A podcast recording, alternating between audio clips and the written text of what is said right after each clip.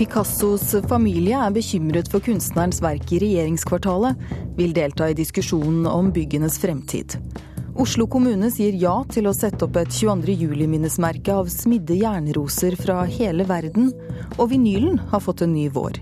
Vi kjøper stadig flere LP-plater, og snart gjenoppstår vinylproduksjonen her i landet. Du hører på Kulturnytt i Nyhetsmorgen, og i dag er det Elisabeth Tøtte Hansen som eh, sitter i studio. Først til eh, Picassos familie, for de er bekymret for fremtiden til verkene hans i regjeringskvartalet. De mener at det å flytte betongutsmykningene strider imot Picassos ønsker og intensjoner med kunsten i bygget. Nå ønsker de å delta i diskusjonen om fremtiden til regjeringskvartalet. You cannot just take the works of Pablo Picasso and put them into another building. Picasso-administrasjonen ved Claudia Andrieu administrerer rettene til arvingene etter Picasso. De er nå bekymra for at norske myndigheter skal rive regjeringskvartalet. Derfor har de nå tatt saka i egne hender og kontakta Bono, den norske organisasjonen som tar seg av opphavsrett for billedkunst i Norge. Bono har en avtale med Picassos Eh, rettighetshavere om at vi ivaretar opphavsretten deres i Norge. Daglig leder i Bono, Harald Holter, forteller at dersom de river bygget med kunsten, så vil ikke etterkommerne til Picasso ha noen andre retter enn at de må varsles. Men siden det nå er anbefalt å rive bygget og ta vare på kunsten, så blir saka annerledes. Det er noe som heter ideelle rettigheter, moralske rettigheter, som knytter seg til opphavsretten til verket at det legger føring for eh, hvordan verkene kan fremstå for offentligheten. Eh, så Det blir en vurdering av, avhengig av hva man har tenkt til å gjøre med det. Med andre ord må ei eventuell flytting av kunsten til et nytt bygg være godkjent av Picassos etterkommere. Andrieu sier de har stor forståing for kjenslene kring bygga etter 22.07, men ser ikke på riving som en god løsning. Kunsthistoriker og tidligere direktør ved Henny Onstad kunstsenter, Karin Hellandsjø, har kuratert ei utstilling om Picassos arbeid i Oslo for Nasjonalmuseet. Og hun støtter skepsisen til Picassos etterkommere. Dette er jo kunst som er laget i og for det stedet hvor de er. Så det er virkelig integrert. Altså mer integrert enn dette kan man jo ikke få det. Så når man tar den ut, så mister den en viktig Eller om man tar den ut, plasserer den et annet sted, så mister den jo en, en viktig funksjon. Da blir det bare en dekorasjon, og det var det jo ikke meningen at det skulle være. I over 40 år har vi altså hatt en Picasso hengende i byrommet, sandblåst inn i betongen av den norske kunstneren Carl Nesjar. Motivet det er jo Den heter 'Fiskerne', eller 'Fishermen'. Og det er fiskeren som drar opp et garn. Og Sune Norgrem skrev, beskrev det som nesten som en norsk lusekofte med alle disse stjernene. I tillegg til den 13 ganger 8 meter store veggen vi kan se på utsida av Y-blokka, kan en også finne verk av Picasso og Nesjer i foajeen til Y-blokka og i trapperommene til Høyblokken. Så det er fem arbeidere av Picasso i, det, i alt. Kan du bare forklare hvorfor eh, denne her eh, kunsten her er viktig for Picassos familie? Det startet jo da eh, noe nytt i Picassos kunstnerskap. Og han laget sammen med Nesjar så laget han monumentalskulptur mye i Amerika og rundt om i hele verden. Kunsten Picasso og Nesjar lagde for regjeringskvartalet var altså det første Picasso gjorde i betong noensinne, og starten på et samarbeid mellom de to kunstnerne som varte i nesten 20 år. Derfor håper Picasso-administrasjonen nå at myndighetene i Norge vil åpne opp for dialog med dem for å kunne ta vare på kunsten til Picasso på best mulig måte. It would be best for everybody to talk and to discuss all together because uh, we think that exposing you know different kind of arguments could help. Det er jo ikke bare en, sånn som vi snakker om Munch er jo ikke bare norsk, han er internasjonal. Og det er det samme med vi forvalter her en internasjonal arv. Det er liksom ikke bare vårt. Vi fikk dette, og nå er det vår oppgave å forvalte det på best mulig måte. Og det er vel det familien også tenker. Fornyings-, administrasjons- og kirkedepartementet skriver i en e-post at spørsmålet om opphavsrett er gjenstand for vurdering når det skal tas standpunkt til om Høyblokka og Y-blokka skal bevares eller ikke. Konseptvalgsutredningen er gjennomført i samsvar med vanlig praksis for slike utredninger. Og den skal nå kvalitetssikres før det tas standpunkt til hvilken løsning som skal velges. Og reporter her, det var Jean Kristin Sena. Agnes Moxnes, kulturkommentator i NRK. Er du overraska over at myndighetene ikke har tatt eh, kontakt med familien til Picasso? Ja, er egentlig veldig overrasket over det. Vi ville jo sett på det som en selvfølge at hvis det hadde skjedd noe lignende med et Munch-verk i utlandet, at det ble tatt kontakt med Munch-museet. Eh, både om tilstanden til kunstverket, om den videre saksgangen, om den debatten som pågår, hvilke muligheter man ser for seg osv. osv. Men dessuten så er det jo selvfølgelig svært viktig at man viktig og klokt at man oppretter et godt forhold til familien Picasso. Her hører vi jo en litt irritert representant for familien. For hva er det de helt konkret eh, reagerer på? Nei, For det første så går de jo nå rett inn i den debatten som pågår her i Norge om man skal rive eller ikke. Og der sier de altså helt klart ifra at de mener at den absolutt ikke bør rives, verken Høyblokka eller Y-blokka. Så reagerer de på at de ikke er orientert. Og så gir de myndighetene veldig klar beskjed om at hvis denne kunsten skal tas ned, og plasseres i nye regjeringsbygg. Da kommer Picasso-familien til å ha rett til, ifølge åndsverksloven, til å ha et ord med i laget. Ja, For da snakker vi om opphavsrett, og hvordan, hvordan fungerer en sånn type opphavsrett? Ja, det er jo sånn som vi hørte her, at den som eier kunst, har rett til å tilintetgjøre kunsten. Eh, hvis kunstneren lever, så skal vedkommende ha anledning til å komme og dokumentere før liksom, det skjer, da. Men i dette tilfellet her så er det jo ikke snakk om å tilintetgjøre kunsten i regjeringskvartalet. Hvis eh, Høyblokka og Y-blokka skal rives, så snakker man altså om å, å ta ut, skjære ut eh, disse betongveggene og så plassere dem på, i andre steder. Og da er åndsverksloven eh, helt krystallklar. Da skal rettighetshaverne, kunstnerne og familien ha, altså da har de loven på sin side til å kunne sette ned foten, rett og slett. Og det gjelder jo ikke bare eh, Picasso-familien. Det gjelder Inger Schitter, det gjelder Carl Nesjar, Odd Tandberg, Kai Fjell osv. osv. Ja, for da vil kunsten havne i en, i en, annen setting enn det den var tiltenkt? I en helt, sammenheng, en helt annen sammenheng enn det den var tiltenkt. Ja. Men, men har konseptutvalget tatt god nok høyde for hvordan kunsten i byggene skal tas vare på? Nei, Urovekkende liten grad, og det er det jo veldig mange som har påpekt i de ukene som har gått etter at dette utvalget la frem den rapporten sin. Eh, oppdraget fra regjeringen, det, der er spørsmål om vern, altså av arkitektur og kunst, ligger langt ned på lista over hva som er viktig når man skal konkludere i denne sammenhengen. Så helt til slutt, da, hva kan utfallet bli?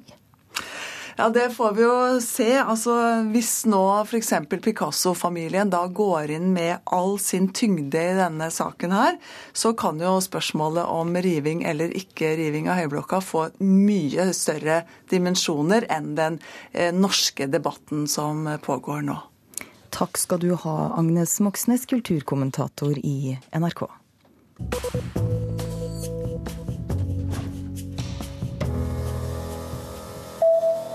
Dramaserien House of Cards med Kevin Spacey i rollen som amerikansk politiker går inn i fjernsynshistorien. Det er nemlig aller første gang en dramaserie laget for internett har blitt eh, nominert til Emmy. Serien American Horror Story Asylum har fått hele 17 nominasjoner, mens Game of Thrones har fått 16. Emmy-utdelingen finner sted i Los Angeles i eh, september.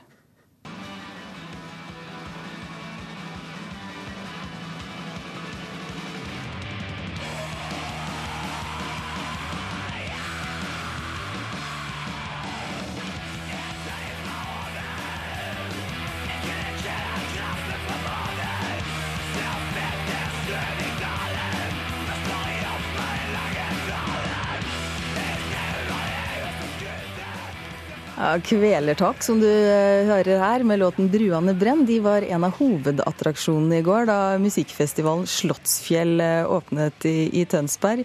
Og musikkjournalist i eh, NRK P3, Ali Reza Sofipour, du er i Tønsberg du, og var på festival i går, og så bl.a. nettopp Kvelertak. Du, Hvordan var egentlig det... konserten? Du, Det var fantastisk. Kvelertak befester nok en gang sin posisjon som Norges definitivt viktigste rockeband, rett og slett. Hvordan da? Så, nei, uh, man, kan, man, kan, rett og slett, som kollegaen min uh, Kim Klev skriver det på i anmeldelsen hans at uh, med første albumet deres så det var en manifestasjon da, på hvor viktig det var, og at de, er, de, at de klarer faktisk å utvikle norsk rock det, til, noe, til, noe, annet. da. Folk har jo kopiert hverandre og plagiert, sin, plagiert rockescenen i en god stund, mens Kvelertak går sine egne veier og, og beviser nå, i hvert fall nå igjen med andre albumet, at de med, med melodisk retta rock allikevel beholder integriteten og grunnprinsippet i hva Kvelertak er. da, Og det er rett og slett sinnssykt mye moro. Men Kvelertak er jo da et skikkelig rockeband. Hvilke andre høydepunkter er det på programmet nå de neste dagene?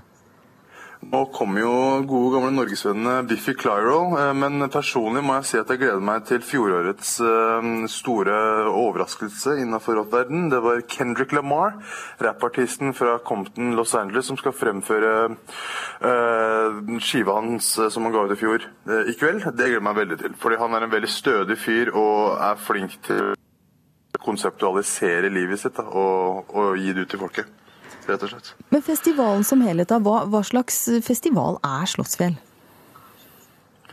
Ja, det er mangt. Du har jo, Tønsberg er jo ganske eh, kjent for sin, sitt bryggeliv, så det er jo mange folk som uh, legger til kai her, og så kommer de til Slottsfjellfestivalen. Og i tillegg til Kastellnatt, som er en veldig populær klubb, klubbkonsept, som er på et sånt gammelt lagerhus, rett og slett.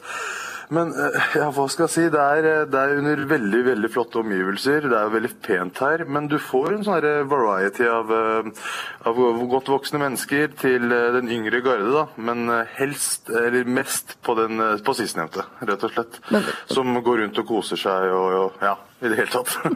Men det er litt for alle, høres det ut som. Og festivalen den har jo vært eh, utsolgt de siste tre årene. Og i år også så ser det ut til at eh, billettene har forsvunnet. Hvorfor tror du den festivalen er så populær? Ehm, jeg tror jeg må egentlig referere igjen til, eh, til lokasjonen. Altså, det er jo utrolig vakkert her. Det, det er veldig vanskelig å komme, komme, unna det. Og at de kanskje booker litt annerledes. Da. De, de går ikke nødvendigvis etter de mest uh, åpenlyse headliners, men jeg tenker kanskje litt utafor boksen. F.eks. med britisk Og det var egentlig ganske modig av dem, men i, i går for eksempel, så var det det britiske drømmepopbandet Daughter som spilte, som ga ut en skive i mars som veldig pent, en veldig pen skive om kjærlighetsbrudd. Men dessverre så viser seg å være litt malplassert i går under en av årets varmeste dager. Men, eh, men de prøver i hvert fall, og det tror jeg Slottsfjell vinner veldig mye på. Og Festivalværet det, det, fortsetter vel å være forholdsvis greit framover, får vi håpe for dere som er der. Takk skal du ha, musikkjournalist i P3, Ali Reza Sofi Por. Klokka den har blitt eh, snart 16 minutter over åtte. Du hører på Kulturnytt i Nyhetsmorgen, og her er de viktigste sakene i nyhetsbildet akkurat nå. PST ber norske imamer om å ta tydeligere avstand fra holdningene til ekstreme islamister, men dette blir allerede gjort, sier Metab Afsar i Islamsk råd. Vi har eh, gang på gang, hvis man går inn på vår hjemmeside og leser, fordømt eh, terrorhandlinger. Den private høyskolen Westerdals vurderer å si opp samarbeidet med firmaet som sparket en norsk kvinne etter at hun anmeldte voldtekt i Dubai. Og USAs tidligere bilby Detroit slår seg selv konkurs. Sammenbruddet i bilindustrien får mye av skylda, og det har vært en masseflukt de siste åra. I dag sliter Detroit med å betale lønninger, pensjoner og helseforsikringer. Det sa Anders Tvegård. Oslo kommune har eh, gitt klarsignal til å sette opp et minnesmerke av smidde roser fra hele verden. I dagene etter 22.07 var Oslo dekket av roser, og etter dette har Tone Mørk Karlsrud, som arbeider som smed i Bærum, fått tilsendt nærmere 1000 jernroser fra smeder over hele verden. Hun vil nå forme en jordklodeskulptur av rosene. Hvor minnesmerket skal stå, det er fremdeles usikkert. Hente den pakka i dag, ja. En avlang eske pakket i gråpapir. Etter 22.07 for snart to år siden har Tone Mørk Karlsrud hentet slike pakker på posten nærmest daglig. Noen ganger er det veldig rørende brev med og sånne ting. Så det er liksom julekvelden nesten hver gang vi åpner pakkene. Så det, det er spennende. Spredd utover loftet i smia hennes på Bærums Verk ligger roser hun og kollegaen har fått tilsendt fra smeder over hele verden. I tillegg har pårørende vært innom og smidd sine egne roser. Alle er laget av jern, men ellers er alle forskjellige. Nesten 1000 stykker har det blitt til nå. Det her er en skissemodell av hvordan vi håper på at eh, det skal bli. I tiden etter 22.07 snudde folk i roser til hatet, som et symbol på samhold og solidaritet. Nå skal jernrosene sveises sammen til et stort minnesmerke. Selve skulpturen ønsker vi å symbolisere med jordkloden for å vise det samholdet hele verden har gjort. Oslo kommune har etter mye om og men nå sagt ja til gaven. Hvor monumentet skal stå er imidlertid ikke bestemt, men at det vil bære i seg personlige historier er sikkert. De pakker det ikke så godt inn, vet du. Så hadde ikke jeg akkurat den skarpeste kniven her i dag heller. Pakken hun hentet i dag f.eks. stammer fra en smed i USA. Ser kjempefin ut. Det som er så spesielt unikt, er jo at alle rosene har sin personlighet, og ingen er like. Spennende å se hva han sier for noe også, da. Han er lærling i Colorado. Og i Colorado har det også vært litt skytinger, så han kjenner mennesker som har blitt skutt i Colorado. Eh, og så sier han også at han er veldig glad for eh, engasjementet vi gjør, eh, og vil veldig gjerne være med og håper at vi kan bruke rosa hans. Så det er klart vi kan gjøre. Så det er kjempefint. Og reporter i denne saken, det var Ingvild Baltersen Sundt. Med et CD-salg som stuper, og i en tid preget av strømmetjenester og nedlasting av musikk, ser vinylplatene ut til å være på full fart tilbake. De siste årene så har salget av plastskivene eksplodert, og etter 25 år i utlendighet er de igjen duket for produksjon av vinylplater på norsk jord.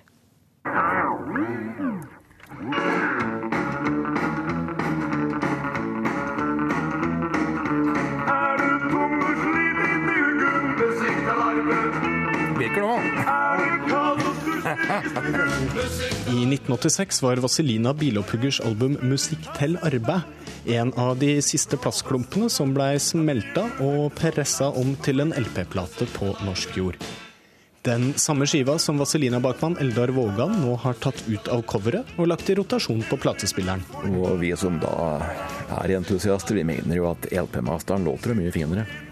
Altså På et, på et stereoanlegg så låter det mye finere. 25 år seinere har strømmetjenester og nedlastning overtatt store deler av markedsandelen.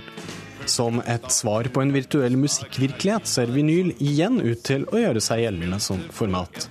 Ifølge IFPI Norge, en organisasjon som fremmer interessene til den internasjonale plateindustrien, har salget eksplodert de siste åra. Der vi i 2008 brukte 1,6 millioner kroner på vinylplater, ser vi i 2013 ut til å handle for om lag 15 millioner. Forklaringen ligger ifølge Eldar Vågan i lengselen etter et håndfast produkt. LP-plate er et veldig fint produkt. Da, vet du. da får du musikken i hendene. Du kan se på bildet, du kan studere bildet og brette ut coveret, du kan lese tekster. og på kontoret til utestedet og konsertarrangøren Kafé Mono i Oslo sentrum, omgitt av gamle plater, en graveringsmaskin for vinylproduksjon og en og annen platespiller, finner vi initiativtakerne til Vinylfabrikken, en entusiastisk gjeng som ønsker å tilbakeføre vinylproduksjonen til norsk jord etter 25 år i utlendighet.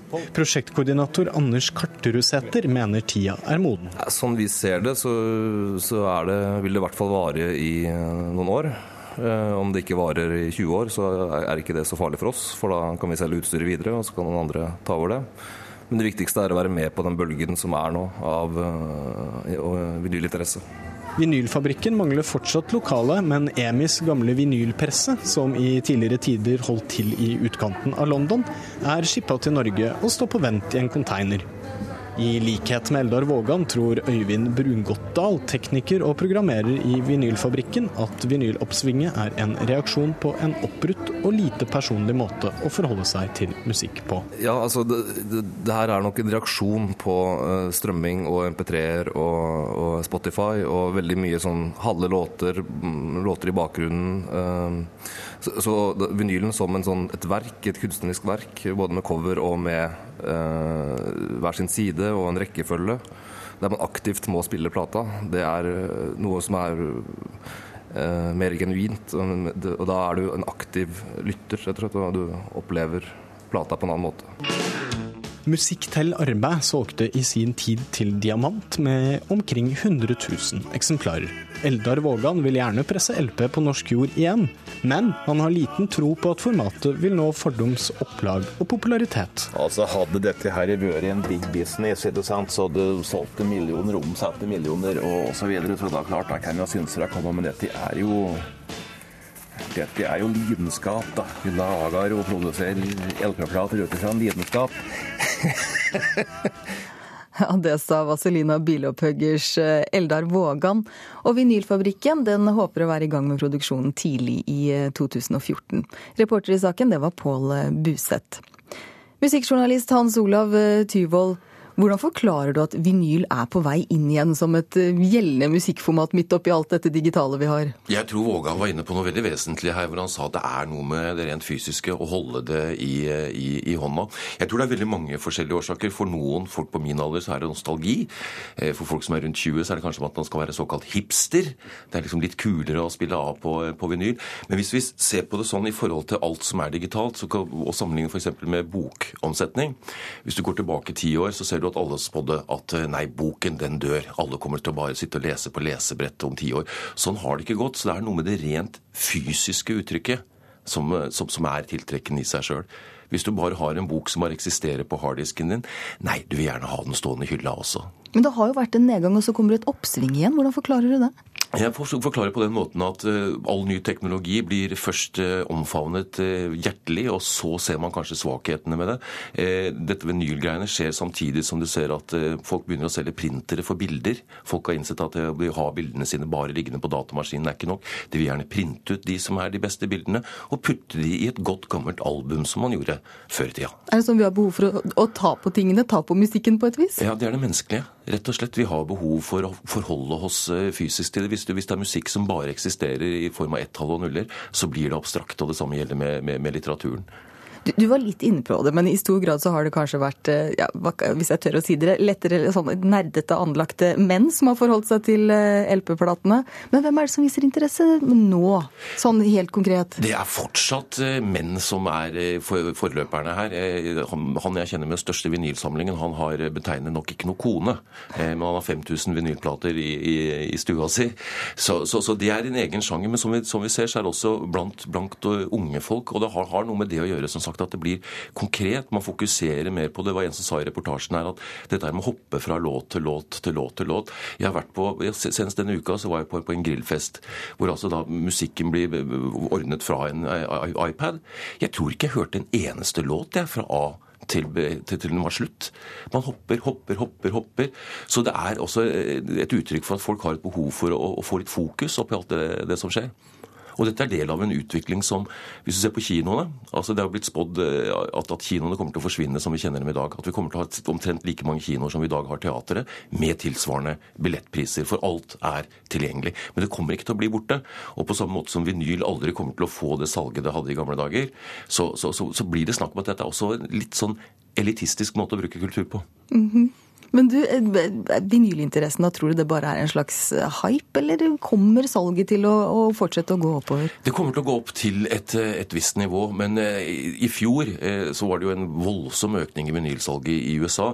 Men det var jo ingen utgivelser som nærma seg f.eks. én million solgte. Det, vi er ikke der, altså. Det er, det, dette er en nisje, og det kommer det nok til å, å, å forbli også. Men gud bevare nisjen. Hvorfor er det så viktig å bevare nisjen? Du har snakka om dette med håndfast og alt, men altså, kan man si sånn musikk er musikk, bare vi får hørt den på noe vis? Ja, men det er, det er, liksom som å si at, at, at film er film, og, og, og, pornofilmer er noe mer innbringende enn seriøse filmer, så hvorfor bare ikke sette opp det på Oslo Kinematografer i stedet for å liksom fylle kassa? Det handler om sjel. Vazelina de solgte jo i eh, sin tid 100 000 eller flere av sine utgivelser. Kan vi noen gang se noe tilsvarende tall, uavhengig av format, da, for dem? Det kan jeg vanskelig forestille meg. Mindre, fordi det, det, har jo også noe med å gjøre at det kommer så forferdelig mye musikk. Jeg leste at det kommer nå altså hvert år så kommer det flere skiver enn på det samlede 50-, 60-, 70- og 80-tall og, og, og 90-tall til sammen. Hvert eneste år. Og, og, Det er derfor det med vinylen. Jeg tror at veldig mange de f.eks. bruker Spotify, og der finner de ut hva de vil gå grundigere inn i. Så man, man, man sampler og smaker på utrolig mange små smakebiter, også det man virkelig ønsker å og det, det, det, kjøper man kanskje på den måten, ja. For hvordan skal, skal mange da som sitter hjemme med denne Spotify-lista si nå få en ny følelse for vinylen? Hvordan skal man få til det? Jeg, jeg tror det kommer av seg selv hvis man har et hjertelig forhold, hjertelig forhold til, til, musikk. Altså man, man, har et behov som jeg sa, for, å, for, for, for ikke bare for å ta på tingene, men altså det er, det er et, et, rent fysisk uttrykk for noe. Det, og det er helt grunnleggende menneskelig. Hvor annerledes blir musikken på vinyl da? Vågan sa jo at det er, det er, liksom noe annet. Ja, det er noe annet, og, og, det er også noe med hele opplevelsen. Du må, du må få ræva ut av stolen, du må sette stiften nennsomt ned på, og etter 20 minutter så blir du avbrutt. Og Det er også noe med en hel generasjon sånn som meg, som er vokst opp og hører musikk på den måten. Et album varte ikke 45 minutter, det varte to ganger eh, 20 minutter. Så etter 20 minutter, og, og alle har hatt dette at den skiva, der spiller du alltid andre sida først. Da får vi bare ja. se hvordan det går med vinylen. Takk skal du ha, musikkjournalist Hans Olav Tyvold. Da tikker Kulturnytt eh, mot eh, slutten. I dag har vi fortalt at familien eh, til Picasso er bekymret for kunstnerens verk i regjeringskvartalet, og at de nå vil delta i diskusjonen om hva som skal skje med Høyblokka og Y-blokka. Og du har også hørt at Oslo kommune har gitt klarsignal for å sette opp et 22. juli-minnesmerke av smidde jernroser fra hele verden. Og som vi akkurat har hørt, vinylplata er på full fart tilbake. Salget det eksploderer. Produsent i dag det har vært Eivind Våge. Tekniker Lars Tronsmoen. I studio Elisabeth Tøtte Hansen.